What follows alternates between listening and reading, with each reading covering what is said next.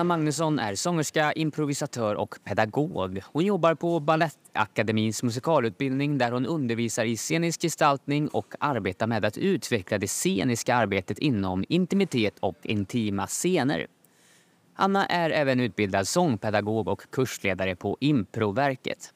Hon har ett stort intresse för människor, fiktiva såsom verkliga.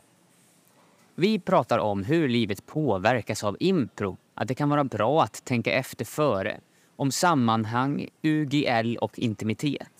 Vi pratar om att repa, erfara och ha verbala överenskommelser för fysisk närhet och om etik och moral på scenen. Dessutom så pratar vi om kärlek och anarki, att David redan finns i stenen och att vi inte behöver se själva knullet. Här är avsnitt 32 med Anna Magnusson om impro för att växa. Anna Magnusson, tell us your story.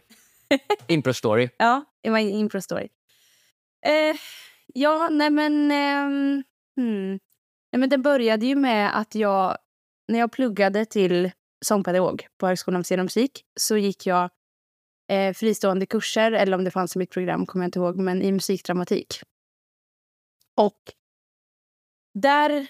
Eh, då var, delar av det var impro.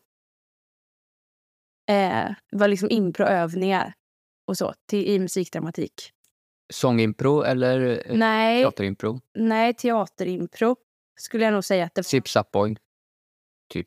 Nej, jag tror inte vi gjorde Zip Zap. Alltså det här är ett, typ tio år sedan nu så jag kommer inte riktigt ihåg. Men det var, alltså det, jag minns i alla fall, vi hade Det låter som en sång, eller Säg det med en sång, eller mm. det där mm. gamet. Och, eh,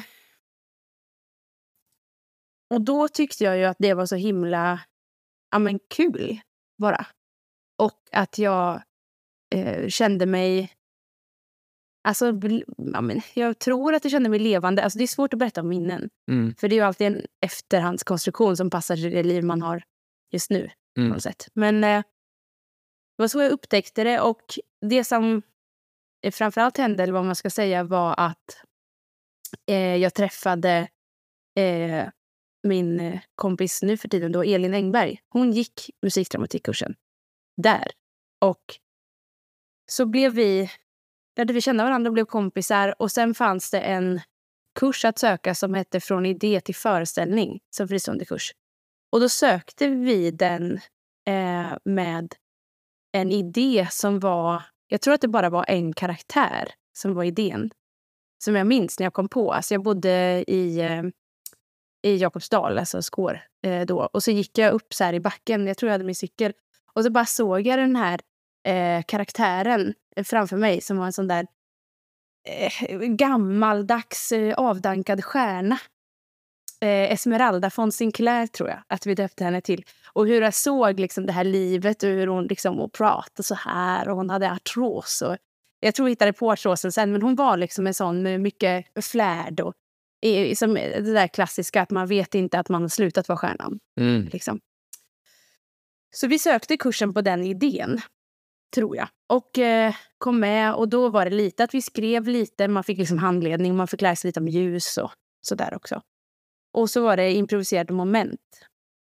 I föreställningen eller i improviserade moment i kursen? Eh, nej, Fram. föreställningen. Man var helt själv. Man masterkurs. Så ja. man fick liksom inget... Okay. Jag kommer inte ihåg. Men man jobbade bara själv. Och Lite masterclass. Ja. Eh, och sen efter det så bestämde vi oss, tror jag, att vi skulle starta en improteaterduo. eh, och typ... Vilket år är det här? Ish? 2013, 15, 15 kanske. Mm.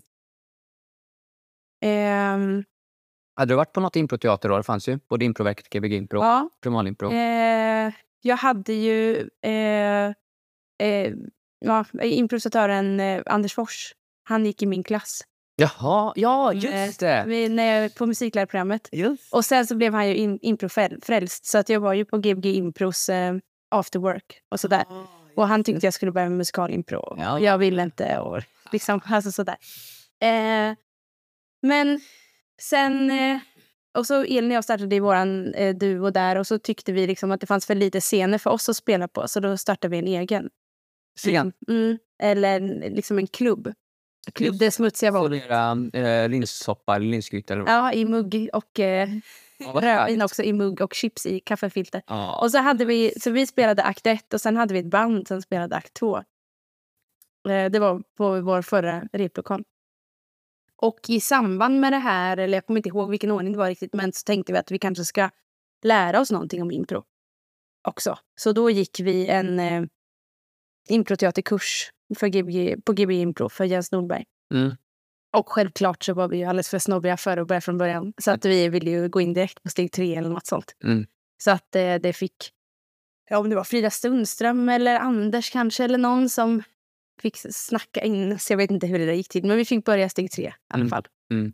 Så då gick vi den och sen fortsatte vi ha våra impro eh, klubbar liksom. Och sen, eh, ja, så höll vi på i några år. Och, eh, och så, och jag ehm, kommer inte ihåg riktigt vad som hände sen, men det, Elis och min historia slutar i alla fall med att hon vill sluta. Mm. För att hon är liksom klar med impron. Sommaren 2022. Mm, var det det? På Improfest spelade ni då i alla fall den sista. Ja, det gjorde vi. Så det var i april eller maj hon hade sagt det. Ja. Så det är ett år sedan. Då. Mm. Ehm, men vi hade ju inte repat så mycket innan det och så där så att det, det kommer inte så. Det avtog ändå. Ja, precis. Men eh, och på, eh, för du sa att eh, din egen improresa började med att, ja, lite, ja men om temat på något sätt är då att, att växa, impro för att växa. Ja. Men jag höll ju på med... Jag gick ju klassisk sång. Och klassisk sång är liksom ja, men typ opera eller romansmusik eller sådär. Och för mig då i alla fall så var det... Ja, men det handlar väldigt mycket om teknik. Det är en sån tekniksport. Liksom man måste kunna utföra de här ljuden för att, kunna, för att det ska bli kul. Mm. Liksom Mm. eh, väldigt mycket prestation och väldigt mycket återskapande. Så det ligger i traditionen. Det finns jättebra grejer med det också. Men det, det här var ju något helt annat. Liksom. Att jag kände mig mycket mer närvarande och så. Och dessutom är det så att jag har alltid gillat musikal mest. Mm. Alltså, det är såna här jättestarka liksom, teaterminnen som jag har när jag gick på Östgötateaterns musikaler. Alltså från när jag var liten Mm. att eh, så här, det här rummet vill jag befinna mig i. Liksom, överenskommelsen mellan publiken och Mm. sådär. Och eh, jag vet inte, jag, det är ju någon slags efterhandskonstruktion men jag kände inte det lika mycket med klassisk musik. I alla fall så var det annorlunda när jag började improvisera. Alltså med det här med live och att vara i sig själv och i stunden och sådana saker. Liksom. Och bara få sjunga rakt ut utan att vara så noga på något sätt. Ja, just det. Men det var fortfarande sångimpro mycket då? Eh, ja, men det var ju där jag startade. Det är ju liksom min trygga hamn. Ja. Det är det som är lättast för mig. Det är det jag helst har gjort på något sätt. För där har du ju sångverktygen. Teknikerna. Och sen så är det ju att du behöver eh, upptäcka då, eller hitta på i stunden som är Ja, det andra. precis. Men det är ju inte samma... Och gestaltandet. Ja. Eller? Eller vad? vad? Jo men eh, gestaltandet, hur mycket gestaltande gjorde du på? Du sa att det var en... Jo, men det gjorde jag ju mycket också. Alltså när man gick alltså klassisk sång. Jag hade ju lektioner i musikal och Ja, ja. sånt också. Så att jag Ja. hade också väldigt mycket liksom, Okej. sentid, eller scenvana eller jag vet inte vad man ska säga. Men Mm, visst. jag sjöng ju väldigt mycket körer och Mm. sånt. Mm. Så att jag höll ju på mycket. Liksom, och har jag hållit på mycket. Så att det var inte så långt steg på något sätt. Nej. Det här, det var som en annan gren av... Ja, men en väldigt lustberikande låter det som. Där det inte Ja. finns så mycket som du sa prestation. och Man kan bara leka och göra. Och sen så hade du det här andra då, kompetenserna från det andra området som Mm. gör att du kan få använda det och leka runt och simma runt här. Liksom. Ja. Så är det bara ett nytt vatten men du kan fortfarande simma i det här vattnet. Ja, Typ, liksom. Du simmar inte i sångvattnet. nej. Eh, så, och det är olika vatten men det är ändå samma liknande färdigheter man använder. Ja, eller kan precis. använda.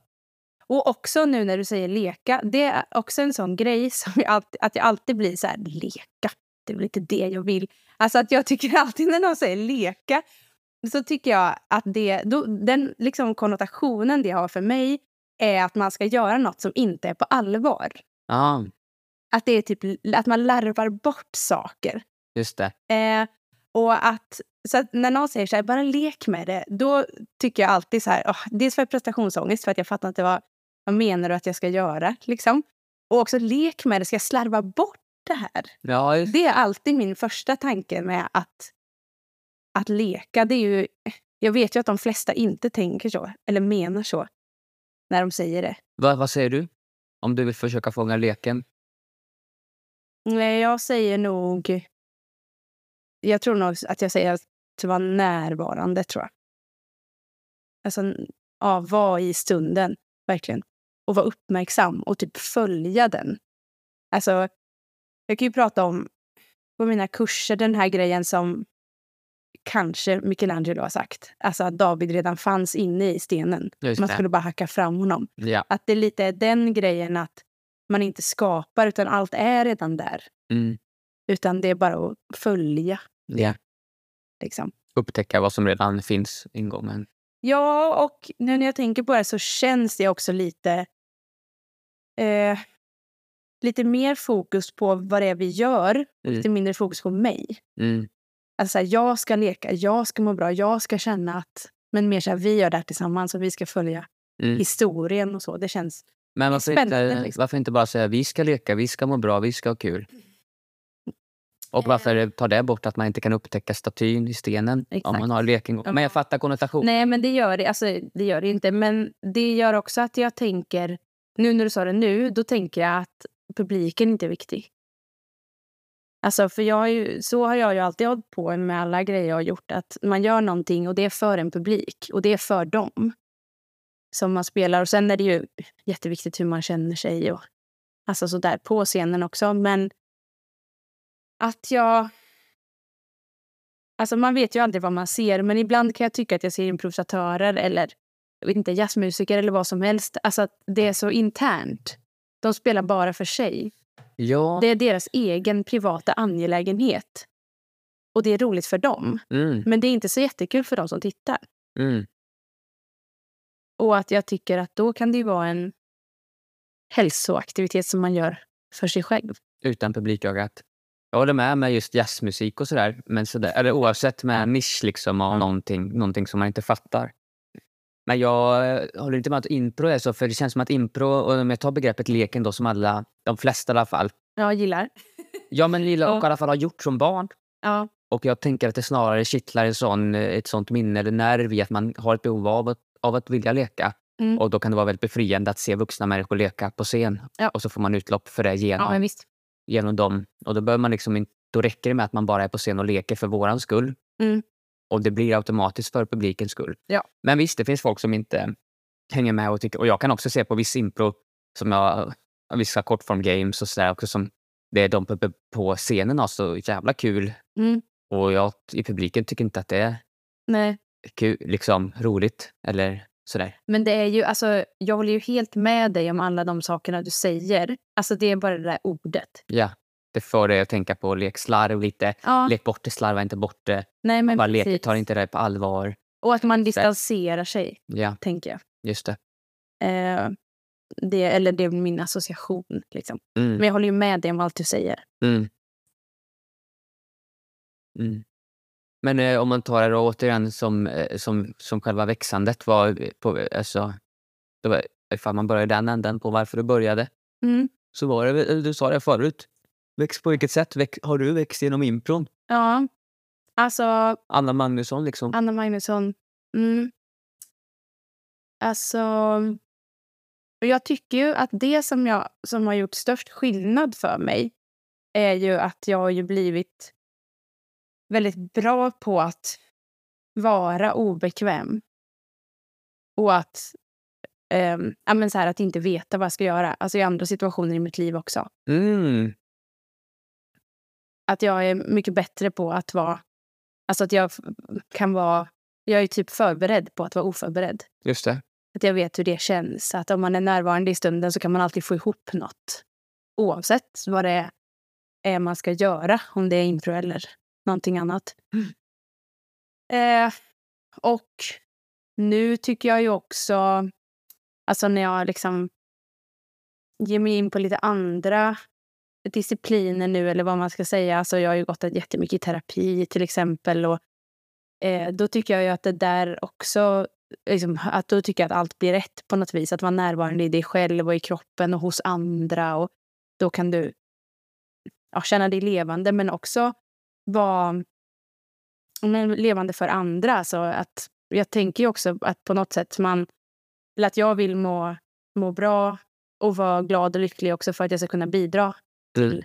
världen Mm. och till andra Mm. världen. Det känns ju liksom meningsfullt. Och det blir lättare efter att ha, ha gjort, fått träna på det i improsammanhang, eller? Ja, alltså, På grund av grundguidelinesen i impron som finns, eller? Ja, alltså, jo, men det tänker jag att jag tror ju väldigt mycket på dem. Alltså så här, var i stunden, eh, titta på vad som händer, eh, gör någonting utifrån det, lyssna på vilket bidrag som kommer, gör någonting utifrån det, kompromissa med andra, eh, ha fantasi, slappna av, vänta, var tyst. Alltså, det eh, tar risker, liksom, gå på feeling. Alla de där sakerna tror jag ju väldigt mycket på Mm.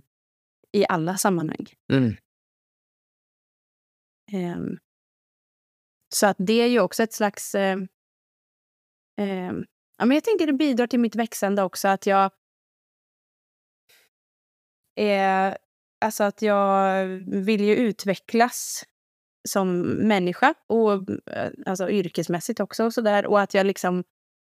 Då att det kanske då har bidragit till att jag vågar hitta nya vägar. Och att ah, det kommer upp något spännande här, jag bygger vidare på det och så ser vi vad som händer med det. Liksom. Eller, jag är väldigt bra på att drömma. Mm. Ja, ha, ha, har du blivit bra på att drömma tack vare impron? Har, är det den? Nej, jag har alltid varit bra på att drömma. Ah, okej. Eh, Ja, ah, nice. för, liksom, alltså, fan, fantisera och föreställa mig saker och sådär. Och nu har jag ju användning för det Mm. också.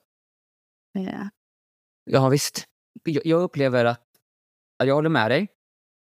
Att det påverkar väldigt mycket. Och jag vet ju att alla kursare som går, eller inte alla, men väldigt många, de går en nybörjarkurs oftast när de vill, eh, antingen kanske när de har precis varit med i någon kris och man vill hitta något nytt eller bara att man vill ha något nytt i livet eller vad man kastar sig ut. 80 procent upplever jag gör så. Och också att Ja. de verkligen växer som människor. Mm. Och som någon kursare sa här, eh, härom, eh, ja, i kursavslutningen att det är så kul med sådana här improkurser för att man, det är alltid så jävla många spännande människor som är här. ja, Eller de är i alla fall på en väldigt spännande plats i livet just nu. ja, just Oftast. eh. Så. Antingen att man är där och är bekväm, men då kanske det krävs att man har gjort en massa saker Mm, just det. och varit obekväm i andra situationer som gör att man är bekväm. Ja. Då tänker man att impro kanske är nästa utmaning. Eller att man inte har gjort impro eller något liknande, men man kastar sig ut och så är man där i det Ja, obekväma.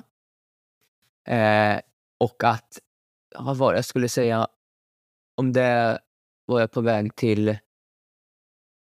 Ja men dels i alla fall att jag själv märker att det har påverkat mig i mitt växande kring, kring massa annat. Att, att jag gör bara.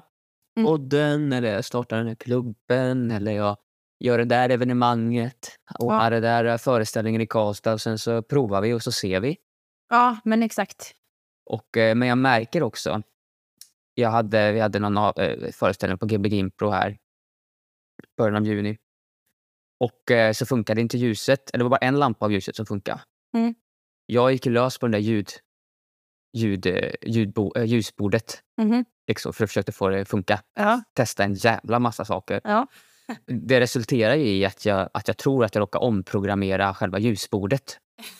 Alltså reset, reset to default liksom. Jaha. Fick det inte alls att funka. Och sen så fick vi lösa, vi tog, det fanns en spot som man pluggade i med kontakten, Ja. en följespot liksom. Ja. Som sen, så kunde vi ändra den så att den lyste upp hela scenen. Typ, bara. ja. så. så det funkade och så körde vi lite med publikljus som var separat. Mm. Men konsekvensen av det, mitt prövande, Ja. gjorde att nu behöver, gissar jag någon behöver programmera om det ljusbordet. Och där kände jag så här, fan jag skulle ha tänkt, jag skulle ha provat lite försiktigare först typ. Just det. Det förutsätter inte att man, alltså det har ju gått väldigt mycket åt andra hållet då. Ja. Ett alternativ det är kanske man inte gör något, inte improinspirerat alls, så kanske man inte vågar prova röra någonting för jag är rädd för att göra fel. Ja. Eh, så, och det andra då är att ja, men jag provar massa här och sen så jag, jag tänker noll eh, e- efter Ja. noll före liksom. Just det. Ja, man behöver lite balans i tillvaron. På Ja, något sätt. Eller lite av båda. lite, men jag levde så himla kanske hårt efter den impro-devisen Ja, på ett område. Kanske bara en ödmjukhet också, för det här är ett område som jag inte har koll på. Nej, men exakt. Det är ju inte. Jag har ingen koll på ljus direkt. Nej. Jag tryck, bara trycker. Något borde funka. Ja, men exakt. Men jag tänkte på det du sa förut, alltså det här med den här kursaren som hade sagt att det är så många trevliga människor eller inspirerande eller roliga. Spännande, Spännande. tror jag han sa. Intressanta kanske hon sa. Ja, men jag funderar på då, för jag tycker jag, jag har hört liknande saker liksom. Och att jag funderar på då om det också kan vara så att det är sammanhanget också som gör människor intressanta. Mm. För jag har ju någon sån idé om att alla människor är Ja. spännande och intressanta. Men Visst. förutsättningarna i deras liv eller deras Mm. arbetsplatser eller vad som helst eh, gör att de inte kan bli det. För det är så mycket stress eller man har en viss kultur, samtalskultur på arbetsplatsen eller eh, ja, men, vad som helst. typ. Men jag tycker ju mitt mål när jag har kurs och allt jag undervisar i på något sätt, det är ju att jag ska försöka få folk att känna sig så mycket som sig själva som möjligt.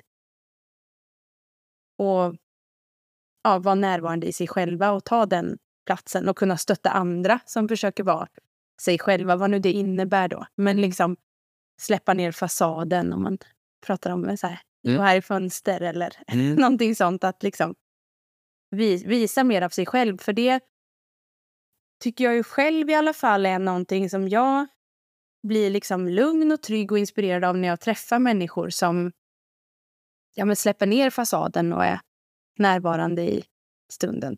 Mm. Och jag tycker att sen jag själv lyckats göra det lite mer, i min egen uppfattning i alla fall, så tycker jag att jag får bättre samtal och möten Mm. med folk också. Mm. Så jag tänker att sammanhanget och det som impro gör också gör folk spännande, som de redan var från början. Mm. Kanske i alla fall. Jag håller med om det. Och, och samtidigt så har jag en parallell tanke. Där jag, om jag tänker på hur jag beter Nej, jag är snabb på att döma människor i det. Verkligen. Även på Det är kurs. då menar du? Alltså, Ja, men även... Ja, men kanske... Det skulle vara fint att kunna ha den... Om jag säger så att jag är på någon eh, middagsbjudning. Mm. Mm, Eller så på när jag pluggade och så här, var på sittningar. Och så kunde man liksom hamna mellan olika... eh, Så här, vi hamnar med främlingar. Mm.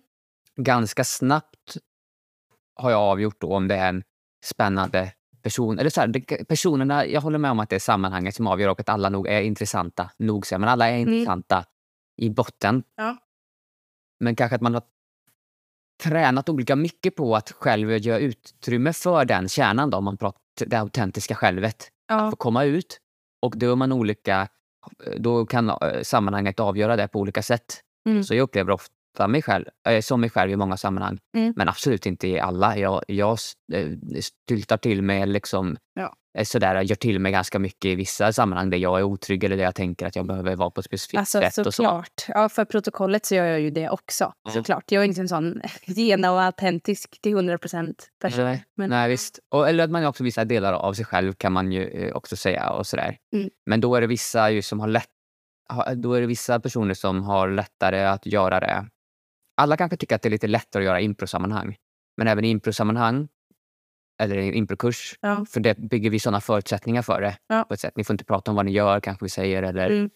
eh, tar incheck hur man mår och folk kanske för första gången eh, berättar hur de känner eller Ja. eh, sådär.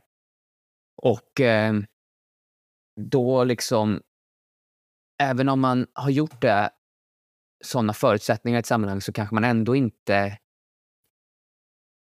gl- glimtar på dörren till att ett, sitt själv får lysa igenom utan man upprätthåller fortfarande fasaden. Ja, men och, alltså, särskilt på typ alltså, finsittning eller bröllop kan man ju också hamna. Liksom. Alltså, då tänker jag att då finns det ju ganska mycket som inte uppmuntrar till det. Alltså det är väldigt... Varför, vadå? Vad Nej, men jag tänker att det är väldigt så här, konventionella sammanhang. Med väldigt mycket ramar kring hur man beter sig. Just det. Men de ramarna uppmuntrar inte då till att visa eh, någon slags... eh, Du, nu är det inte du själv som ska få utrymme att visa. Nej, men exakt. Jag tänker så här. Så om, impro- om man har varit i ett sammanhang där, eh, alltså där det verkligen inte uppmuntras, alltså inte motsatsen heller, men där man liksom typ skrattar åt att man har en väldigt färgglad tröja. Eller du vet, alltså. Eh, Gå, eh, skratta gott eller skratta Nej, elakt? men inte skratta, men alltså nu hittar jag ju på exempel här, men Alltså sådana sammanhang där eh, om man sjunger med det händer mig ju ganska mycket på något sätt. Eller inte nu så mycket längre, för nu är jag inte så mycket i sådana sammanhang. Men om jag sjunger med högt till musik som är på radio eller så, så tycker ju folk ofta att det är konstigt. Mm. Eh, för att det är ingenting som man vanligtvis gör. Nej, beroende på sammanhang då såklart. Exakt, beroende på sammanhang. Men om man har befunnit sig i ett sånt sammanhang där man aldrig sjunger med Mm. eller aldrig eh, ja, alltså, Visst. öppnar upp sig eller så. Då finns det ju ganska få saker på ett, en bröllopsmiddag eller en finsittning Mm. som öppnar upp till det här. Det kan ju finnas lekar och alltså, sådana grejer men annars är det ju ganska mycket andra strukturer. Ja, alltså, visst, man det sjunger en viss låt och Ja. en viss skål och man ska sitta i vissa sorts kläder och viss ordning på maten. Och, Ja. Ja visst. Eh, och de, men då, om man abstraherar det så blir det någon typ av de normerna frångår sitt själv medan normerna på en improteater eller kurs, där har vi också några. Men här ska man tydligen prata incheck varje gång man ja, kommer. De eh, säger du och jag främjar att komma närmare och ge utrymme för att öppna upp. ja, precis. Men jag har du sett den här Kärlek och anarki? Nej. Av Lisa Langstedt. Oh, Nej. Den är bra på Netflix. ja, då ska vi se. Mm. Eller två säsonger är det. Mm. Och jag, jag, nu spoilar jag sist, en grej i slutet. Okej, ja. Det, För alla i podden också. Så ni får... Ja, då får man stänga av. Det är i alla fall när de sitter i bubbelpoolen i slutet, huvudkaraktären då, en kvinna som jobbar Ja. som content manager typ. Okej. Eh, Och hon är väl så, ja men till, eh, det är hennes, det är just där jag tycker hon eh, utforskar då leker. Mm. Nej, Mm. lek på tal. Ja, du får säga det. Ja. Hon eh, sitter där med sin liksom, eh, Svenssonman och så där, att de är på en pardejt på ett spa i bubbelpoolen och så bara så börjar de prata så där som man pratar. Mm. Eh, som jag, ytligt då, Mm. eh, vad de, hur de pratar. Och hon bara känner att hon, eh, som jag tolkar det här, spyr på det där. Mm. Så helt plötsligt börjar hon, liksom, hon, ser ut som hon börjar se ut som en gris. Inte att hon förvandlas till en gris, men hon liksom gör en sån här grimas och, och räcker ut tungan till dem. Mm. Gör typ så här liksom. liksom. Hon bara ger utlopp för alla impulser hon har. Och jag tyckte det var så befriande eh, att se det. Och hur, eh, hur togs det här emot då? Nej, hon, de tyckte hon var galen. Alltså hon beter sig galet i det Ja, sammanhanget. Men som publik eh, så var det jättebefriande. För det var så till skaffat till tysch. Men alltså det kan ju vara, nu har inte jag sett det här så jag vet inte det här, men jag tycker också att jag kan bli å andra sidan då av det myntet kan jag ju bli provocerad av eh, människor som blir provocerade av hur andra människor lever sina liv. Mm, just det. Alltså så här, de personerna i den där bubbelpoolen som inte vet något om dem, men de sitter och pratar och de lever sitt liv på, eh, enligt det sätt de har valt eller i alla fall enligt bästa förmåga. Och så Ja. kommer någon annan och bara beter sig jättekonstigt Ja. och kanske hånar dem eller man förstår inte vad, varför, varför händer det här? Ja. Och sen händer det ingenting mer. Och så bara är man kvar med den där känslan att här satt vi och pratade helt vanligt och så var det någon som hånade oss på något sätt och sen gick den personen. Jaha. Ja, men verkligen. Alltså, så det måste ju också, jag vet inte, leda till något. Ja, men det är, det är en jättebra poäng. Men, jag får kolla på, men om vi pratar allmänt då. Ja, nej, men det är bra att prata allmänt. Jag kan känna igen mig i henne. Och jag kan känna igen mig i av att jag eh, eh, eh, ja, man kan, kan på vad jag tycker då Mm. är sant, äkta i en situation, Mm. skala av andra. Och det är ju en situation, återigen bröllopen då. då. Eh, Mm. Vi är på en sån situation och jag tycker att det är stelt stiff. Nu lever jag Mm. och jag blir obekväm. Ja. Ett sätt då för mig att hantera obekvämheten på Mm. samma sätt som dig, alltså att jag också upplever mig att jag kan vara ganska bekväm i obekväma situationer. Men sättet jag hanterar på är att jag tar kontroll på mina sätt över situationen genom exempelvis då typ Okej, jag vet inte om jag skulle göra det här. Det beror på kanske vem som gifter sig. Och Ja. jag, jag, jag lägger ut små, små stycken ner liksom hela tiden. Ja. Men jag skulle kunna säga, nu överdriver jag verkligen, men, men något i stil med eh, Ja, hörni, det här samtalet tycker inte jag är något roligt. Kan vi inte prata om något som är, som är kul? Det här är, nu pratar vi här uppe på ytan om våra bilar och sådär, ni vet, som man kan prata när man inte känner varandra. Men vi ska ju sitta här nu i tre timmar ja. och jag skulle tycka att det var värt att lägga lite tid på att lära känna varandra. Och då gör jag det på mitt sätt då, liksom blir det ju då, eller hur? Mm. Och det kan verkligen bli så att jag öppnar en fallucka för andra. Så här, vad, vad är det här för snubbe? Ja, och Och sen- också att du säger ju till dem att Det här är inte ni, kul. Ni, ni är inte kul. Ni är inte Och ni intressanta. anstränger er eh, uppenbarligen inte. Ja, men, nej, precis. Och det tycker jag verkligen att de gör, anstränger sig. Ja, Och jag anstränger mig utav bara helvete för ja jag, jag det fattar. Jag, menar, jag har gjort liknande grejer. Alltså att jag, men jag har kört stilen att jag vill vara så vulgär istället då.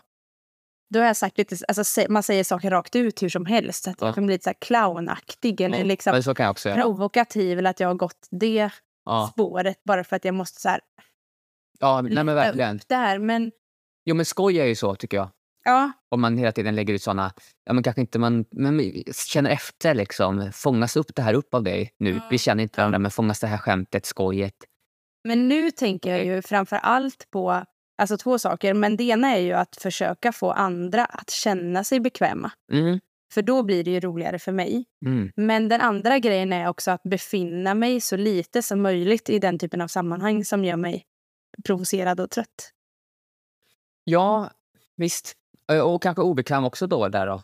Eh, ja, och, och vissa saker, alltså att veta också, ja men, som eh, eh, mycket grejer, alltså så här, jag kan ju bara ta ansvar för mig. Och mitt liv och mitt beteende. Och då måste jag ju välja om jag vill, alltså har jag valt att gå på det här bröllopet, då finns det väl antagligen andra incitament till att jag har gått, gått dit. Mm. Liksom.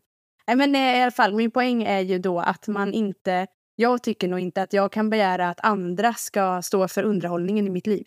Nej, det tycker inte jag heller. Om jag inte har då betalat för det och det ska vara underhållning, alltså då är det en annan sak. Ja. Men det har man inte i så sociala sammanhang. Men jag tycker det finns något i att få inspirera sig. Du pratade förut om att fokus var på hur kan du och publiken ha kul. Alltså jag tycker det finns något i att verkligen kunna få inspirera sig själv, ha kul själv, Ja, eh, fokusera på sig själv i, i, i, i Jo, men liksom lägga ut... Det här samtalet som vi är i nu, Ja. liksom inte nu, utan i, i mitt bröllopshuvud. Ja, i ditt bröllopshuvud. Ja. Ja. Mm. Eh, det tycker jag är eh, eh, tråkigt. Jag blir dränerad av det här. Mm. Då vill inte... Då, ja, det skulle vara verkligen då... Jo, men det gör jag ju. Lojalitet till andra såklart, men jag blir trött av det. Ja. Och jag vill... Men, men jag har inte jättestort... Jag, jag kanske är fräck där liksom att säga... Alltså då använder jag impro, skulle jag säga, saker som jag lärt mig på impro-kurser Mm. och teatern. Ja. Säga, säga det som pågår, vad jag tycker pågår rakt högt. Säga, göra ett påstående om mig själv. Ja. Eh, säg att vi sitter runt ett bord och sen så är det någon som eh, håller låda. En gubbe Mm. sitter där och håller låda. Ja. Han är 75 år och liksom pratar om minnena och, och eh, jag ser hur folk runt bordet gäspar och jag, och jag, Ja. tycker- jag har zonat ut för någon minut sen. Liksom, och, Ja. typ den här, och, vet, och sex stycken runt det där och han, Mm. bara, bara han har pratat. Mm. Eh, då kan man ju välja liksom strategin att fortsätta det vara så Mm. och le och nicka lite. Mm. Men man lider. Eller så kan man ju... Och det är det här som är det svåra då, att hantera på något sätt. Stoppa det här problemet på något sätt. Ja, men eh, kanske då, då använder inte jag att jag säger så här, ah, den här gubben säger något, ah, och så var det i, i simhallen där mitt Mm. och så här. Och så, att jag skulle hugga där. Liksom. Ja, och just det. Eh, jag vet inte fan, alltså, jag kan inte Ja. komma på något sätt att hantera det. Det jag gör då, Ja. det kanske är snarare så här, ah, Lennart, Lennart, nu har jag hört dig eh, prata, eh, prata i, sen vi satte oss ner. Det har gått tio minuter. Mm. Vi fem andra här. Skulle vara jättespännande att höra ett minne kanske från var och en av oss. Alltså, men då tar jag ju kommando över bordet. Ja. Och det kanske inte är någon som vill, man kanske inte vill prata. Nej, och du gör säkert... Alltså, Lennart finns det risk att jag... ja, han blir ju säkert lite tillplattad. Ja. Lennart. Och det finns säkert andra personer vid det här bordet också som du gör obekväma bara genom Ja. att skapa obekväm stämning. Ja. Ja, Alltså- ja, precis. Så att de tycker Ja. kanske... Det finns ju garanterat folk vid det här bordet som tycker att det är bättre att han får hålla låda än att man stoppar honom. För Ja. obekväm stämning är värre än allt. Ja, så är det. Och det är kul då, för det obekväma för mig är det första obekvämt. Och Mm. sen blir det bekvämt när jag säger så ju. Ja. Eh, Men för andra så är det nog mer obekvämt att vara i det där eh, på riktigt Mm. obekväma, Ja. eh, liksom som är avskalande. Visst. Ja, men det jag, just den där grejen är jag inte så bra på. Alltså när jag sa förut att jag blivit bättre på att vara obekväm, då tänker jag... Då, Vad tänker du då? då? ja, men då har jag mer tänkt på så här, oplanerade situationer. Mm. Eh, men socialt obekväma grejer, det har jag blivit bättre på nu. Men säga ifrån eller liksom den där typen av saker, det tycker jag är, alltså, det tycker jag är svårt. Eh, fortsatt. Att jag kan känna väldigt mycket så här, socialt ansvar åt alla möjliga håll. Liksom att ja, men Lennart måste ju få berätta eller Lennarts fru som har suttit där, nu får hon skämmas för att han har pratat för att hon inte sa något. Och ser jag hur hon ser ut. Just det. För att jag säger att du har pratat lång tid. Ja, Och fram tills dess och det är ingen som kommer få höra om det sen. Eller, alltså, du vet. Ja. Så då hittar jag på alla möjliga såna där grejer. Och Mm. Eh, så att då har jag nog, liksom, i den där situationen, då har jag just med eh, lite så här med gubbar. Eh, så då, då brukar jag ju gå på strategin vara lite så här härlig skinn på näsan-tjej. Ja, ja. För det tycker de ofta är kul att bli bekväm med. Och då kan det gå i den tonen att få tyst. Men, eh, men hur tycker, tycker du att det är kul? Eh, nu skulle jag nog ändå tycka att det var okej. för att nu tänker jag att... Alltså jag tänker ju nu för tiden att folk gör så gott de kan. Mm. Eh, och då så kan jag väl också göra det då. Alltså på något sätt. Att jag... Det, alltså jag tänker nog att jag kan nog vara lite, om jag är lite sådär skämtsam eller om man ska säga att jag kan nog göra det nu för tiden och ändå känna mig som mig själv. Mm. Även om jag inte skulle vilja ha den relationen som min närmaste kollega kanske eller en person jag träffar mycket. Nej, då ska Nej. inte vara skinn på näsan, Anna. Nej, inte på det där sättet. Nej. För det blir en liten kostnad också av det. Men ändå, jag kan tycka på något sätt att det finns ju sammanhang, typ bröllop till exempel, Ja. där det, jag tycker att det ändå är någon slags av vikt att be, bevara någon slags socialt sta, status quo. Ja. liksom, någon slags frid jämfört med i en familj eller kompisgäng eller ett arbetslag eller Mm. alltså sådär. Men eh, ja, lite beroende på. Ja, men samtidigt det där obek- ja, det är bara vart det går gränsen då. Säg att den där Lennart skulle börja uttrycka sig rasistiskt. Ja, men, Alla sitter och håller med. ja, nej, det skulle jag ju inte gå med på då. Så att det är liksom gränser och, och då, ja, Men så är det ju alltid med alla saker. ja, verkligen. Att det beror ju på. Alltså det går inte att ha en princip som gäller för allt, alltid. Så är det såklart. Och jag vet inte, jag tror inte, jag vet inte heller. Jag kanske sitter här och hycklar, alltså säger att jag gör på ett visst sätt. Men jag gör så lite grann vet jag. Ja. Men jag gör inte så där att jag skalar av Lennart i- på ett bröllop till hans eh, eh, säger vi barnbarn eller dotter gifter sig. Nej, Eh, Och då sitter inte jag och han håller låda. nej, Då, nej men men jag kanske smyger där, kanske tar extra många toalettpauser Ja, men och säger så mm. här, "Så, fan det är ju Alex där borta, han har Ja. inte snackat på. Så Ja. jag kommer tillbaka. Ja, men precis. Jag skulle också gjort något sånt val. Eh, men vem vet, alltså man kanske alltid cyklar. Det vet man inte om man gör när man sitter och pratar så här. ja, Om hur man egentligen skulle bete sig. nej, visst, Men, ja. nej, nej, men verkligen. Men kan vi inte också gå in på, eh, fan det är ju både UGL, Ja. utveckling, grupp och ledarskap som jag båda har gått. ja. Och sen så är det intimitet också. Mm. Vart vill du börja? UGL, Eh, det är inne på, det är lite samma område. Mm, exakt. Eh, UGL är ju, tänker jag för de som inte vet Mm. vad det är, så är det ju en, eh, ja, men en kurs, en ledarskapskurs. Eh, och också självledarskap. Och hur man förstår en grupp och sådär som är fem dagar lång, tror jag väl va? Och så bor man på det här stället. Och är en grupp på 8 till 12 personer och så är man med om olika saker och utvärderar dem och lär sig om gruppen och sig själv. Och får handledning och lite kortare föreläsningar om, om saker och ting. Och den har jag gått och den har ju du också gått. Det är Försvarsmakten som har eh, Utvecklat det. utvecklat den från början. Mm. Jättebra tyckte jag att det var. Står för utveckling, grupp och ledarskap. Mm. Man sitter från åtta på morgonen till nio på kvällen de fyra första dagarna. Så att det var ju ganska maxat, kan man ju säga. Eh, jag förstår verkligen varför man ska bo där och inte komma hem och försöka ha något annat liv samtidigt. Eh, nej men jag tyckte att UGL var, var jättebra. Jag hade verkligen liksom laddat eh, för att jag skulle lära mig om mig själv och inte vara rädd för att titta på vilka fel och brister jag har. Och liksom bli bekväm med dem. Och sådär. Ett av mina mål var att jag skulle bli, eh, jag kommer inte ihåg hur det var formulerat, men bekväm med andras, eller med olikheter, eller vara bekväm i olikheter eller så. För det är grejen att jag kan bli stressad när folk inte tycker samma som jag.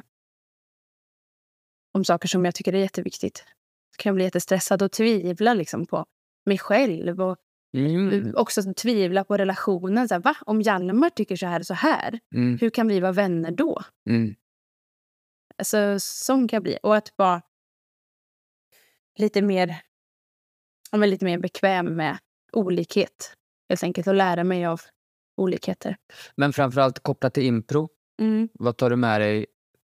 Alltså den kopplingen. Såg du såna kopplingar? Jag såg ju massa såna kopplingar när jag var där. Mm, alltså, en... eh, Men, eh, alltså den, den största kopplingen som jag såg var ju att jag tyckte att jag var... Men det har ju med andra konstnärliga processer som jag har gjort också. Men att jag är van att skapa en eh, linjär process från ingenting, av ingenting. Alltså om man ska säga, nu ska vi göra en föreställning. Ja. Vad ska vi göra om? Hur ska vi lägga upp det här? Vad ska vi ha för tidsplan? Alltså, Medan det fanns andra som bara så här, men vad är uppgiften? Hur lång är uppgiften? Alltså att de behövde ha liksom mycket mer information, Mm. upplevde jag. För att kunna få ihop något. Mm. Liksom. Ehm, nej, men och att jag också, vet inte, att, man kan, att jag också kan vrida och vända på saker. Mm. Men det där kunde du innan redan. Ehm, med impron menar du, eller med UG? Med UGL, liksom att du, eller upp, upplevde jag i alla fall. Och Ja. hade, vi tog ju, efter du hade gått den kursen så Ja. träffades du och jag och snackade ju. Och precis som, samma som för mig i slutet så får man berätta vad man jobbar med där. Och, Ja, och eh, du fick väl någon sån återspegling av att, att, du, att det kändes som att du redan kunde. Du blev precis som mig ganska förvånad över att jaha, andra människor tänker inte som Ja, jag. Va? Är det bara jag som är jag? Jag trodde andra människor var jag. Ja, det var verkligen en grej. Ja, men kanske reflektera bara. eh, Ja. Prata om det som har hänt. Eh, Ja, eh, liksom. Och från olika, å andra sidan är det så här, å andra sidan skulle det kunna vara så här. Eh, liksom, verkligen. Eh, på något sätt. Men också ifall ditt, kanske ditt improvisatör... Dels tänker jag att det har påverkat ditt sätt att leda. Eller det vet jag då, för att jag gick en musikalkurs med dig i höstas och sen så gick jag en musikalkurs som du höll i nu i våras. Mm. Det var lite olika upplägg på hållandet av ramen. Mm. Alltså lite sägningar, inskick. Var det den som du är just nu, just idag, just här? Mm. Från egna förutsättningar. Det är en sån sägning som jag känner igen från den kursen. Okej. Eh, och sen så också eh, ifall du liksom har påverkat ditt eh, som scenimprovisatör någonting. Om det har ändrat dig där. Eller kanske den arenan snarare. Nej, alltså jag... Jag tänker mer att det har ändrat mig som att jag är lite så här... Men det var ju lite grejer som jag... Eh, jag känner mig lite tryggare och säkrare som person. Och det gör mig ju till en bättre scenimprovisatör. Att jag också fick på UGL så fick jag ju också se mina goda sidor och stärka dem. Och det alltså, var, ju stärkande helt enkelt. Alltså att jag kan vara en person som kan bidra mycket i grupper. Och att ha med sig det. Liksom. Så att, ja, jag vet inte. Det är så... Det är lite avlägset nu. Det var ju i mars det här. Det, jag har tänkt på så mycket saker sen mars. Men vad var det spel som du tänkte på? Eller med impro? Improkopplingen? Ehm, från UGL till improkoppling. Jag Det- tänker ju mest alltså, gruppen och ledarskapet och så. Alltså hur, hur jag håller i grupper och alltså Ja, visst. de sakerna. Jo, men verkligen. Mm. Där är det ju väldigt tydliga. Ja. Men även som scenimprovisatör. En slags eh, trygghet eh, tycker jag finns mer. Mm. Mm. Säg att man improviserar. Nej, det är väldigt mycket. Det är väl det som är primärt fokus på UGL. Alltså hur. Hur ska vi lägga upp saker? Hur ska vi samarbeta? Hur, väldigt mycket fokus på det. Ja. Typ det det handlar om tycker jag. Mm. Det är runt omkring. Inte så mycket vad i det. Sen så kommer alla modeller och sånt där som kan vara innehållet, vadet. Liksom. Ja. Och att man gör mycket uppgifter. Det är ju också för att man ska ha det till sina respektive vad hemma. Precis. Så precis. Ja. Och då är ju vadet hemma improvisationsteater och Mm. huret på UGL är ju då, då blir det automatiskt mycket fokus på hur även för mig då impro. Hur Mm. lägga upp en uppvärld, alltså vad är viktigt här? Eh, Just det. Så. Men jag hade ju inte riktigt det fokuset alltså när jag gick in. Nej, just det. Eh, alltså impro. Du tänker inte på allt som impro liksom? Nej, tro det eller ej, Hjalmar. ja, men alltså, om vi då ska lägga ihop och gå in på nästa spår alltså, så har jag ju eh, nu då sökt till Sverige, eller Nordens första utbildning till att bli intimitetskoordinator. Och det var ju därför jag gick UGL. Ja, Eh, alltså, vadå, varför det? För att du ska bli intimitets... Eh, Koordinator. Nej, heter det intim, intimitet? intimitetskoordinator. Ja, ja. Eh, och eh, också för de som inte vet, intimitetskoordinator är samma jobb som en stuntkoordinator i film. Så en stuntkoordinator är den som är ansvarig för säkerheten när man gör farliga grejer. Eh, så att det går säkert till och så att rätt personer gör de här sakerna och så. Och intimitetskoordinator är samma inom scen och film, fast den som jobbar med intima scener. Och en intimitetskoordinator har utbildning i själva hantverket såklart, hur man koreograferar och kameravinklar och kläder och sådana saker, men också i ledarskap och konflikthantering. Och i mental hälsa. Så, och jag trodde inte att jag skulle kunna söka in till den här utbildningen. Eh, för att det stod i ansökan att man måste ha jobbat med film. Jag har inte gjort det. Så då tänkte jag att då måste jag... Då får jag lära mig allt som man kan av de andra sakerna. Den information som finns att få tag på för mig. Eh, och det var ju ledarskap och konflikthantering till exempel. Och sådär. Så att det var ju den ingången jag hade till UGL. Eh, mest det. Så nu väntar jag på besked här då. Jag får besked på torsdag om jag har kommit in eller inte. Då håller jag tummarna. Ja, det vill jag verkligen göra. Men eh, okej, okay, och där har intimitetskoordinatorn. Eh, mm. Eh, också nu då, fortfarande relaterat till impro, så inte i relation till film eller Nej. teater, utan jag tänker att du kommer att ha världens användning för det där. Och redan har du en av de som jag upplever pratar mest om vikten av det eh, och som man spelar kanske vill eh, ha det. Jag har blivit inspirerad av när vi har pratat, har gjort det med de kurserna som jag leder, några mm. jag har fått av dig. Ja. Tycker att det läggs för lite. Vet du något om övriga Impro-Sverige? Nej, eh, jag vet inte det. Alltså, jag vet att det finns, eh, har funnits i alla fall utomlands, eh, att det var, alltså, det var någon intimitetskoordinator som hade intimitetskurs inom impro. För att det var en kursare till mig som hade gått det, alltså för ett och ett halvt år sedan på mm. Zoom eller någonting. Alltså det var någon sån kortare grej. Men så jag vet inte så mycket mer om det. Eh, men jag tänker ju med impro att som med alla saker, att man ska kunna känna sig eh, säker eh, och trygg. Och det är också då man gör den bästa konsten eller den bästa impron. Mm. För då vet, om man vet vilka ramar som gäller och vilka gränser som gäller och sådär. Men eh, jag vet inte riktigt alltså hur...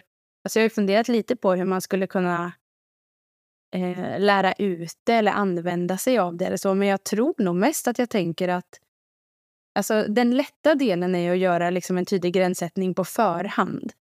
Alltså innan man börjar spela. Det kan man ju göra med folk som har spelat mycket. Mm.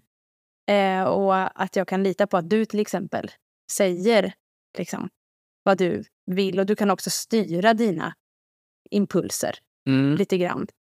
Alltså så att du inte råkar göra en massa saker fast vi har bestämt någonting annat. Alltså ta på olika delar på kroppen till exempel. Eller mm. sådär. Eh, men och, och på, eh, när jag har nybörjarkurser eller också fortsättning och fördjupning och så, då pratar vi bara om det som att i nybörjarkursen så tycker jag att de ska vara försiktiga så att säga med fysisk kontakt eh, till en början, tills de har kommit in i det och tills de har lärt känna varandra lite. Mm. Och sen så gör vi en övning för ja, att man kan mm, säga paus och stopp och sådär om man vill. Mm. Bara så, för då finns det underlaget på något sätt. Alltså då finns det samtalet uppstartat och pågående. Visst. Så då kan jag liksom komma tillbaks till det om det skulle hända någonting eller sådär. Eh, men sen så tänker jag om jag skulle undervisa i improviserad impro eller, eller eh, improviserad impro. Ja, det, det, jag har bara gjort impro. Men eh, intimitet, att eh, då skulle jag nog göra så att man tar hand om de liksom ögonblicken som är före. Mm. För det är det som är det intressanta och det är det som nästan försvinner. Ja, före kyssen eller före kramen till och med. Eller att man... Eller handen. Ja, men liksom tension. Och efter också. Ja. ja, precis. Man behöver inte se själva knullet.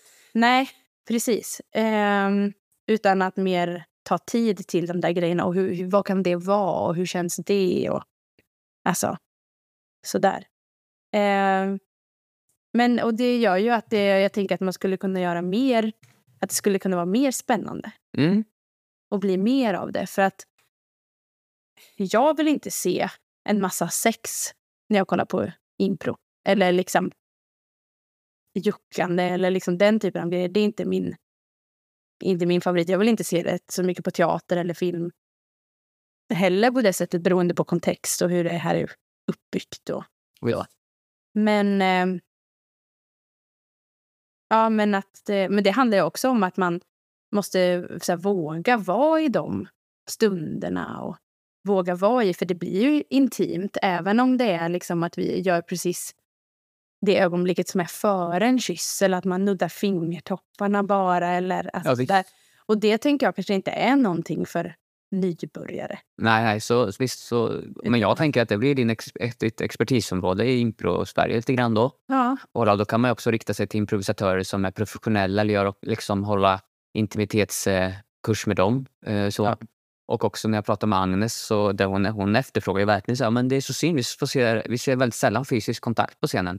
Mm. Alltså varför säga relationen när vi kan spela den? Det håller jag ju verkligen med om. Ja. Så börjar en scen med att ni står och ja, men någon ligger i knät med någon och blir stryken i håret. Liksom. ja, Det är jättesällan. Och då, det finns ingen tension utan det är bara vi, visar vi väldigt Antingen är vi väldigt bra kompisar, syskon eller så är vi ett kärlekspar. Eller vad ja. men det säger ju mycket.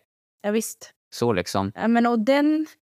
Alltså jag i alla fall som improvisatör, jag gör inte de där sakerna om det inte är en person som jag känner jätteväl och har spelat jättemycket med. Eller att man uttryckligen har pratat om det och det är inte säkert att jag gör det ändå. Utan det är nästan så att man måste ha repat det för att Varför det ska det? komma. Ehm, nej men därför att jag nog är lite rädd för att gå över någon annans gräns och Just det. att jag eh, liksom inte vet. Men om man har, även om man har pratat om det sa du?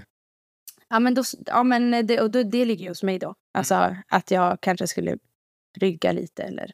liksom. Ja, för det är spännande med integritet och gränser och så. Mm. Eh, Ibland kan jag, eh, ibland, men någon gång sådär, för att kan upplevas liksom, är, är inga gränser. Mm. Men jag har jävligt tydliga gränser. Men, men de ligger nog, eh, på vissa plan ligger de eh, eh, liksom längre ifrån mig själv och, och man kan tänka, åh jävlar vad han markerar. Ja, men det är min gräns här. Ja. Och jag vill inte att du går över den här borta. Men oftast, alltså fysisk närhet för mig, den ligger väldigt nära. Ja. Jag är okej med, med, med, med väldigt mycket. Alltså man får ta mig på snoppen, man får ta fingrar i munnen, man får göra Mm. på scenen. Mm. För mig är det okej om det är Ja. okej för den andra. Så kan man också prata om hur mycket man utsätter för publiken och sådär. Ja, liksom. exakt. Ja. Men eh, för mig, och, och då, då utifrån det, så har, men har du inga gränser? Jo, det har jag, men de ligger bara mycket på en annan plats än vad du har. Men när du går över dem så kan du lita på att jag kommer markera. Ja. Liksom. Och, och det skulle kunna vara, alltså jag, jag reflekterar mycket nu på gränser kring Ja, men det, det är spännande med att det som subjektiva. Alltså gränser som subjektiva. Att jag kanske har en gräns. Ta den här då. Jag vet inte om det är en gräns, men vi kommer överens om att vi ska spela en, en genre, en im- improviserad eh, eh, skräck, säger vi. Mm. Och så, så bygger vi upp så här, stämning och har en musiker som gör stämningsmusik.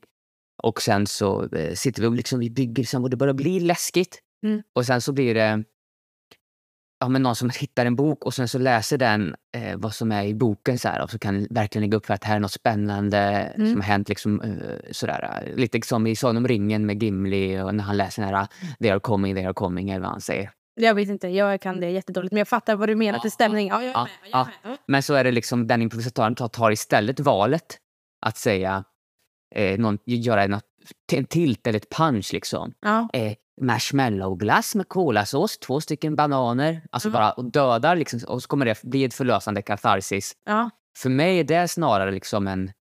Ja men det skulle jag kunna... Och jag, är en, och jag står bakom kanske.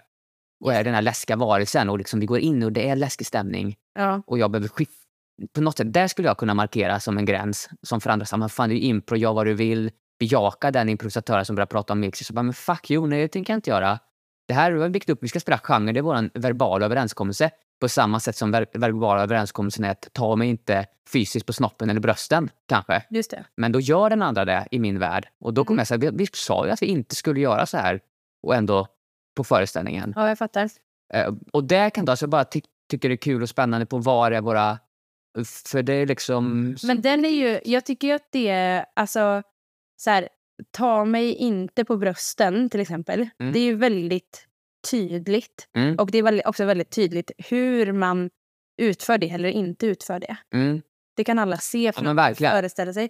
Det är mindre konkret att... Eh, Att så här, det- nu, okej, nu spelar vi skräck. ja, då skulle det ju kunna, för någon kanske det räcker då att så här, vi hade ju läskig stämning i början och det är ett monster med. Ja, precis. Så man kanske inte har, alltså Det är inte lika tydligt där. Inte. nej men och så är det ju med gränser att de måste ju vara, eller regler eller överenskommelser eller så, att de måste ju vara tydliga för att man ska veta om man bryter dem eller inte bryter dem. Ja, visst. Alltså jämfört med, alltså typ säga så här, okej allihopa, och så beter vi oss respektfullt mot varandra på scen. Det är väldigt ofta, Jättedålig instruktion. verkligen ofta förekommande. Ja, alltså, mm, och då, det fattar Mm. ju folk vad det betyder ungefär, liksom, eller du vet, så. Men det är också väldigt olika vad respektfullt Mm. är.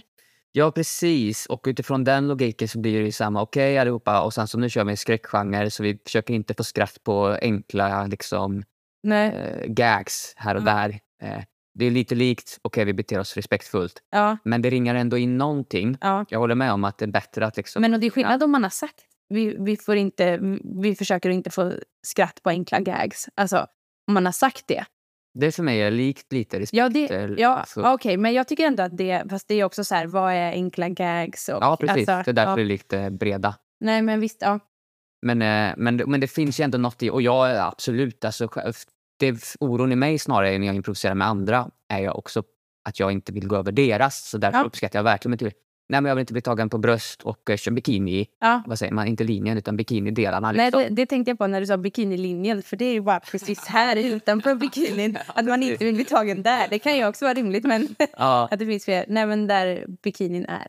liksom. Mm. Nej men precis, för även om man säger då, nej men jag vill inte bli tagen på där bikini så, så har man inte satt någonting att, att, alltså, att bli spottad på exempelvis Nej, i scenen. eller vad betyder kr- alltså, kram? Ja visst, Skulle man ju kunna säga, för då nuddar man ju. ja. Men det tycker nog de flesta är okej. Mm.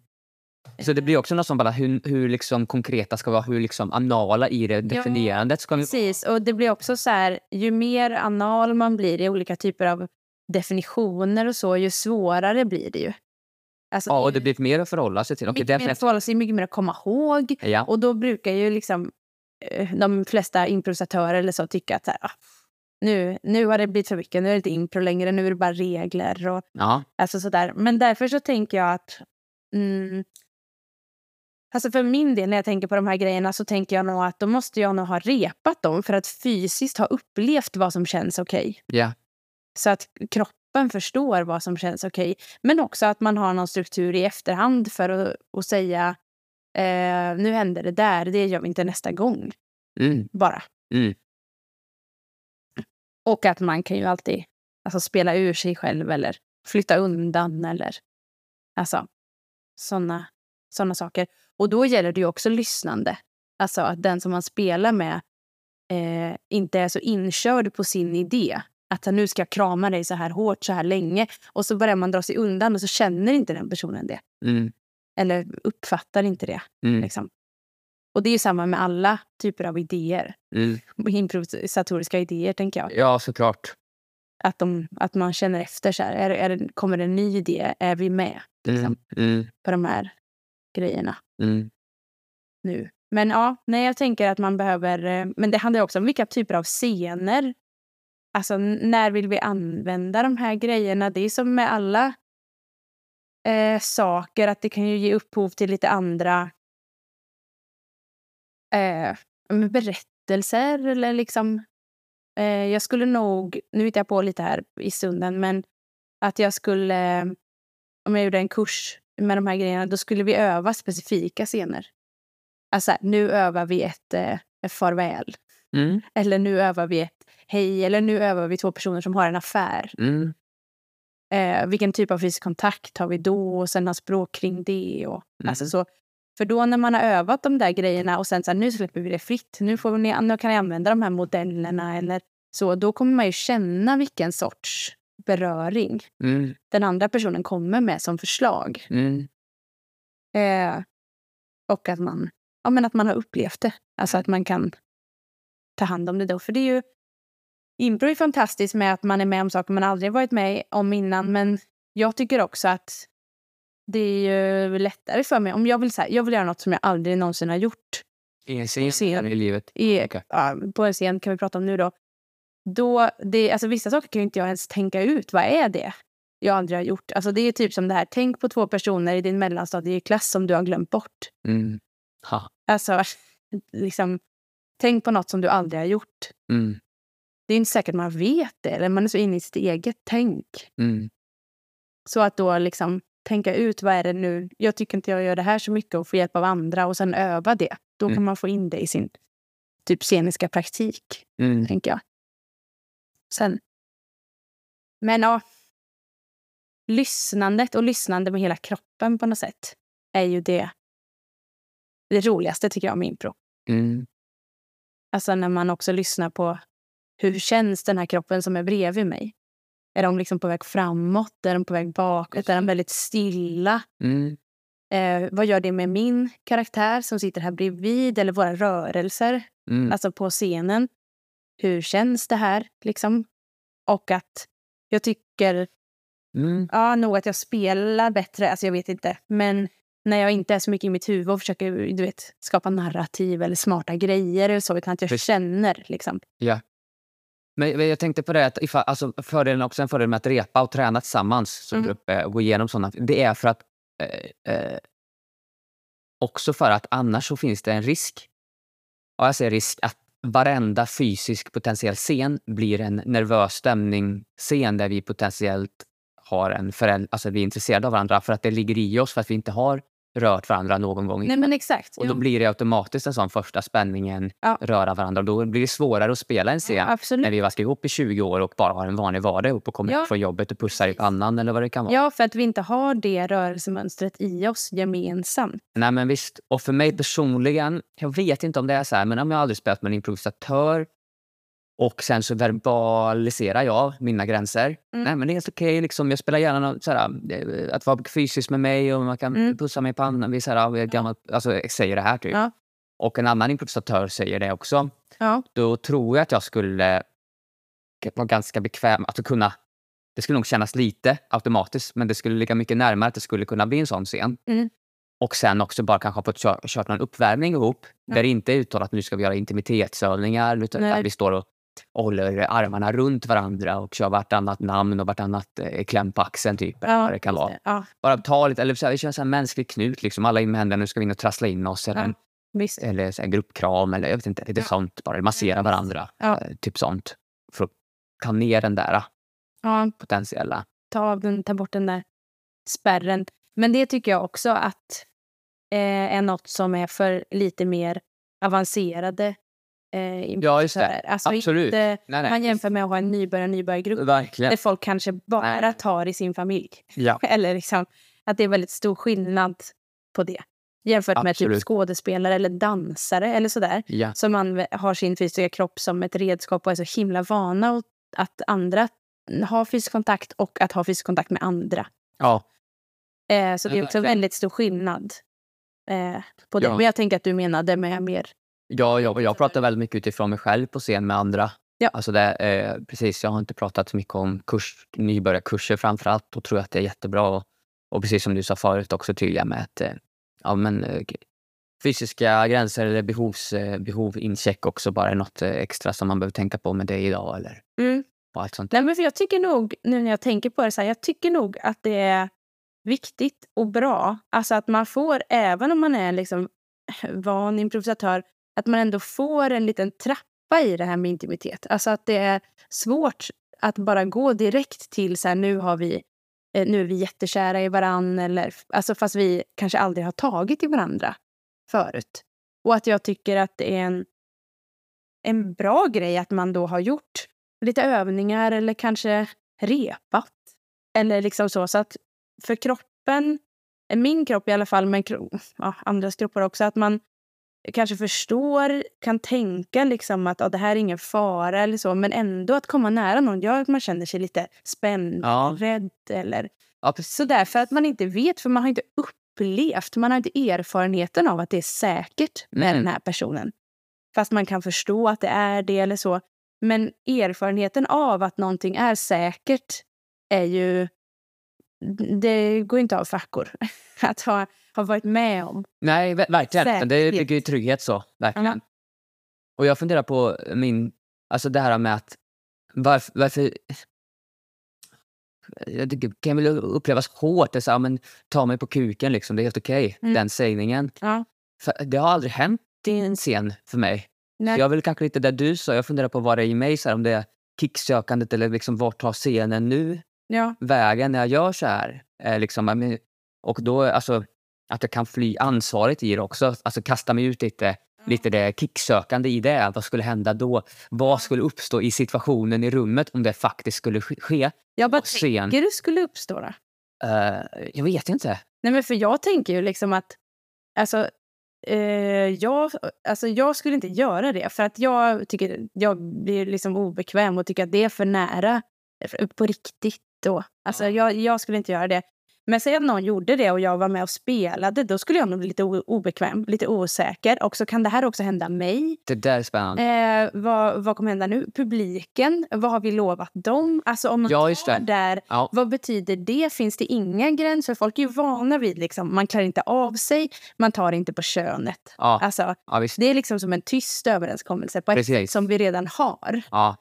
Så, så, men också då, var går gränsen över? Okej, mitt, jag vill inte att ni tar mig på... Alltså det kanske är en, ytterligare en fråga. Ja, Men det här, är- nu tycker jag att vi kommer in på spännande saker. Mm. Just för att jag vill inte att...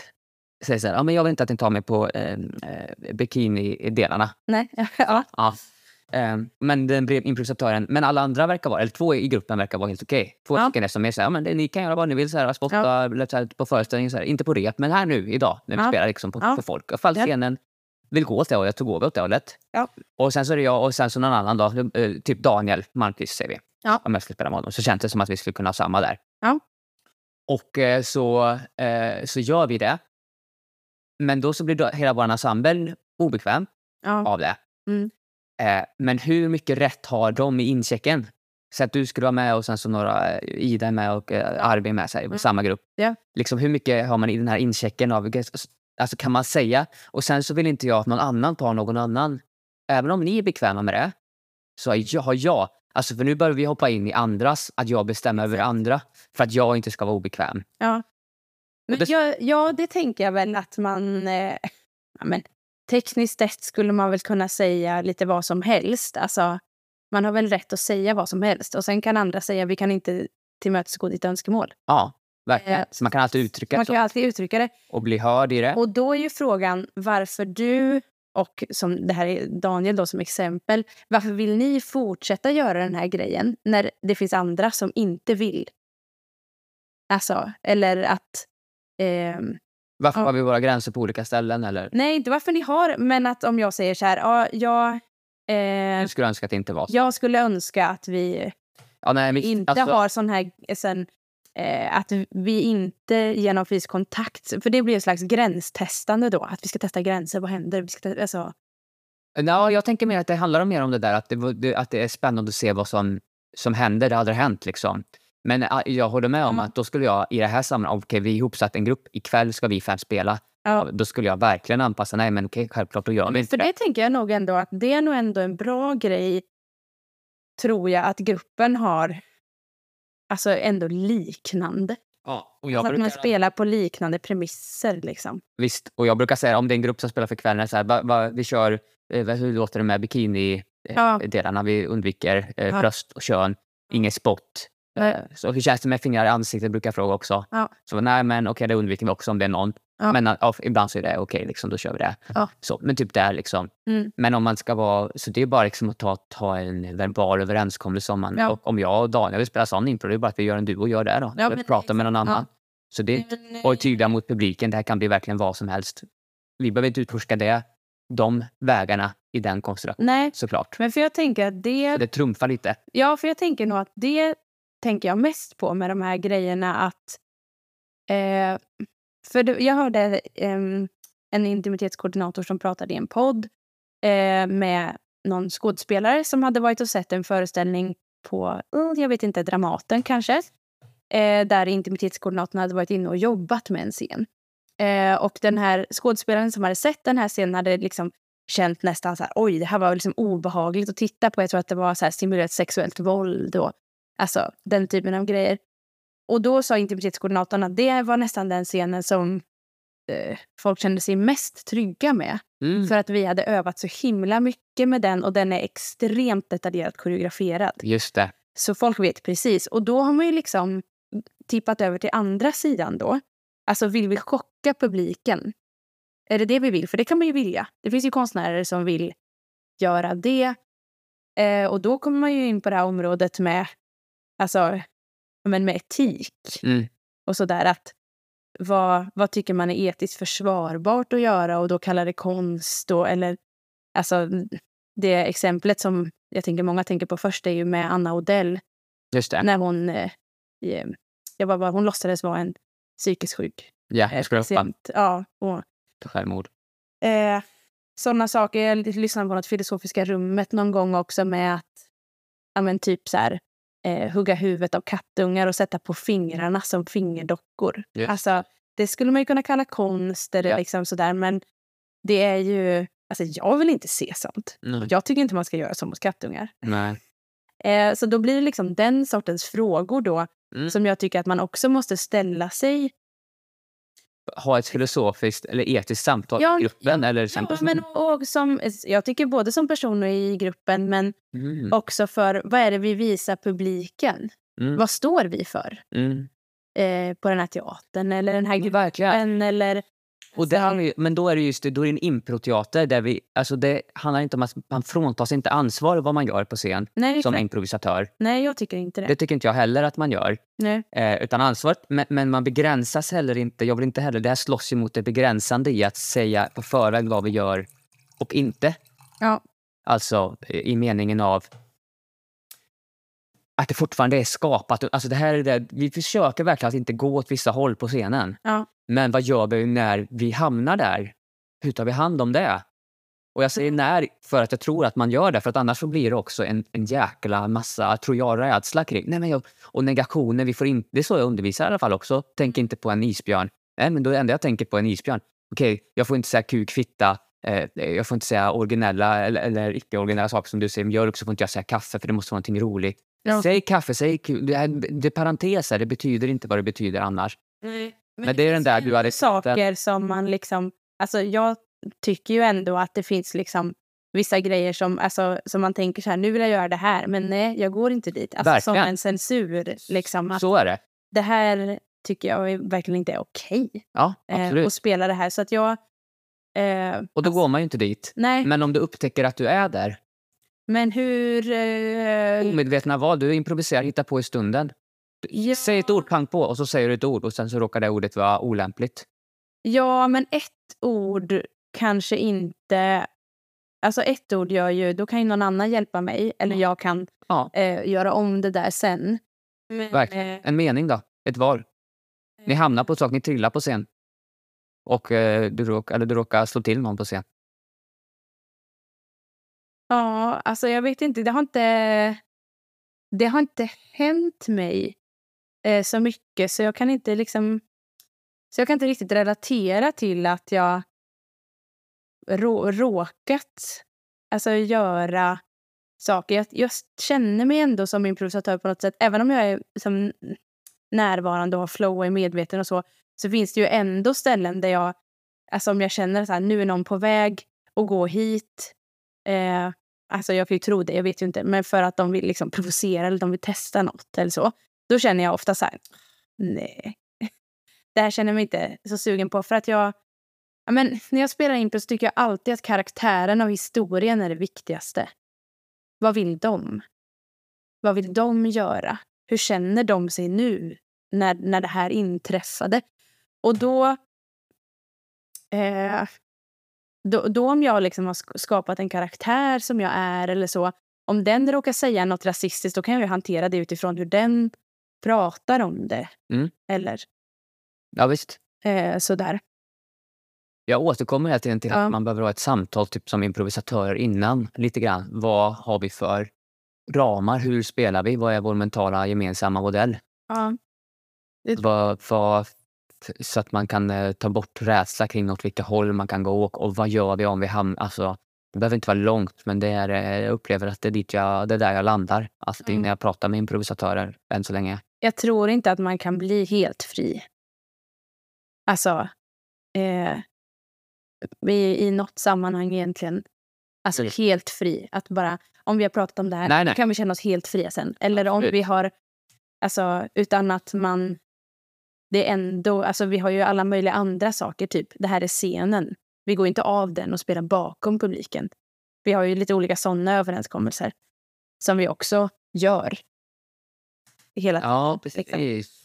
Men det var ju spännande tanke om man ändå inte... vad- Alltså, man, att då säger man att man går man har igång, "Ah, ni får göra vad ni vill. Vi pratar om event, alltså saker som... Efteråt så kommer vi ha ett, ett, ett, ett långt prat. Där vi Ja. pratar om hur det upplevs. Men vi alla är med på Brissel nu. Det kan, det här kan bli vad som helst. Man kan faktiskt... Man kan till och med, om jag Mm. slår jättehårt, man kan till och med få ett kniv. Man kan bli dödad på scen. Okej. Alltså nu bara dra överdriva jag fattar. jättemycket. Allt det, man får skriva, man får döda någon i publiken också. Ja. Men alltså det... eh, Nu var det ju ett väldigt överdrivet exempel som du tog. Men jag skulle inte... Alltså jag tycker sällan att det blir roligare när man säger så här, okej, vi släpper det fritt, vi gör precis vad vi vill. För det som händer oftast då, tycker jag, är ju att folk gör det de är mest vana vid. Ja, just det. Okej, just det. Alltså, så det är det som inträffar. Så här, just släpper det. fritt. Och så är det tre som har spelat mycket, då gör de sin vanliga Okej, grej. spännande. Så att det blir inte friare. Nej, Utan det ja. blir nästan samma. Eller så kan det bli väldigt rörigt. Ja, rörigt håller jag med om att det kan Eh. bli. Men, men min ingång i det är ju att, att få utrymme till att göra sånt som man inte har gjort och, och få utrymme att göra sånt som man inte är bekväm Ja. Alltså tvärtom. Min taktik för det är ju snarare att öva på det och planera för det på förhand. Alltså så här, okej, jag... Eh, nu har vi eh, skapat en... Jag är ju en trio eh, med Susanna och Agnes. Och då så här, okej, vi vill spela den här typen av scener för det tror vi att vi tycker är kul och det har vi inte gjort så mycket innan. Så då övar vi där så vi kan få ut de här grejerna Mm när vi spelar. För jag tycker själv att när jag så här, ah, släpp det fritt, gör vad du vill. Då blir jag liksom inkonsekvent i mina val. Jag tänker att jag bara ska välja nya saker. Jag blir inte så bra medspelare. Jag blir lite inne i mig själv och tänker på vad jag ska göra, vad som är nytt för mig. Ja, Eh, så att det blir liksom hajar. spretigt. Ja. Och jag dras ju till den ingången. Mm. Får göra vad jag vill på scen. Alltså inte, det är klart att det Nej, inte, dö- inte döda folk. så. inte slå ner någon, finns gränser. Men alltså, att gå och spela på en annan plats än stå på scenen ligger inte långt ifrån. Alltså, Nej. att ta ett sånt val. eh, Men eh, frågan är ju varför du tar det valet då. Alltså, för jag tänker att det är ett superbra val om eh, det jag såg framför mig nu var att du gick ut i publiken och ställde dig längre bort och att du då var en herdepojke på ett berg långt bort och ropade därifrån. Ja, Då är det ett superbra och jättekul val. Så länge det hörs det du säger. ja. För om man inte hör dig alls Nej, så är det ju... Eller liksom, man, kanske... Nej men okej, om man inte hör mig alls då, alltså, vad, kan det, vad, vad kan det skapas av det? Alltså, bara ta, jag tror jag är lite trött på, eh, jag är också väldigt trött just nu på den här gruppen Blink som jag spelat mycket med för att jag, vi hamnar i sådana tydliga mönster Ja, och jag hamnar i egna mönster. Mm. Och, jag, och jag tror att det har en korrelation med att det finns eh, ja, men det är ett specifikt spelstil, spelsätt, gemensamma ramar innan som vi är vana på att spela på. ja, Och då vill jag liksom rucka på dem och hitta nya ramar, i så fall nya världar och, Ja. och gå in i som tror jag kan stimulera mig och, få, och jag får bli inspirerad av att spela och gå åt det här hållet. Mm. Eh, och, och framförallt så, ja, men jag går ut i publiken. n- eh, det är inte ett nytt val heller, men ett relativt nytt val. Liksom. Eh, men jag hörs inte. nej. Vad, hur, vad kan jag leka med då? då? Alltså se verkligen allt som erbjudande så. Vad Radikal tänker-. Alltså för frågan är ju vad tänker de? Alltså kanske Blink, men är de också trötta på det? Alltså är de andra trötta på det? För att om man är väldigt trött på någonting eh, och de andra inte är det, då är det ju dags att lämna. Snarare än kanske, alltså det kan jag tänka, än att Ja, eller ta ett Ja, samtal. eller, ja, men de andra kanske är jättenöjda Ja, precis. så som man har det. Och alltså om det nu är en, eh, jag vet inte, ett kompisgäng eller om det är en improgrupp eller vad som helst. För så kan det ju vara också att vissa saker har ju ett slut. Ja, absolut. Liksom. Ja, men det kanske är samma då för att återkoppla. Vi ska ju snart sluta här också, men, Ja. men att återkoppla till det här bröllopssamtalet. Ja. Så in i mig så finns det en ganska stark... Det kliar liksom i mig Ja, när det blir... ah, Jag kan nästan... Okej, nu börjar Lennart eh, prata om det här.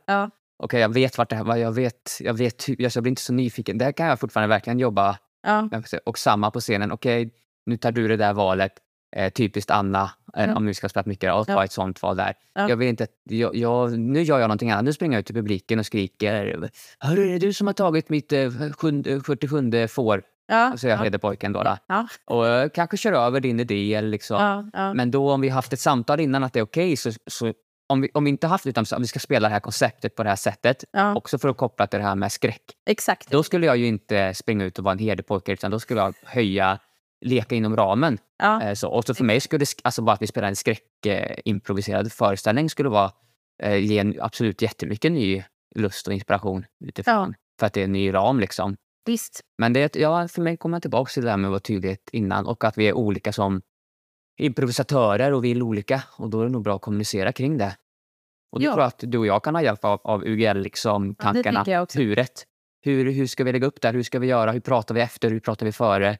Vad är viktigt? Och också acceptera om andra inte vill göra det. Alltså som, Absolut. som eh, Så Elin som ju slutade i, alltså så, sa upp sig i våran duo och då var det bara jag kvar. Så då var det inte så mycket med det. Mm. Men då är det ju så här, ja, nej men vad liksom Nej, men det är bara att tvinga henne att vara kvar. Nej, för att när man inte vill, alltså när någon inte vill och sagt man bara är två personer, som ett äktenskap, om den ena vill skilja sig eh, och är säker på det, då, då, och inte vill vara, alltså det man har är att man vill vara tillsammans. Det är såklart. Det är klart det är så. Så, det måste man ju vilja, man måste ju vilja vara ihop. Men äh, Anna, vi måste avsluta för jag måste dra alldeles nu. Ja. På riktigt alltså. Jag Ja, ja. är äh, drådis. Eh, var uppmärksam på den du spelar med och dig själv. Att, ver- att verkligen titta på och känna efter. Vart, vart är den andra improvisatören? Vad vill de? Och hur känner jag mig när de gör de här sakerna? Så, och att öva upp det, det är också en skill. Alltså att titta på, titta på folk och läsa av. Och, alltså, vara var noggrann med läsningen av människor. Det tycker jag att jag har mest nytta av när jag spelar, tror jag. Så det var det. Ja, Mm. tack så mycket Anna. Varsågod, Janne.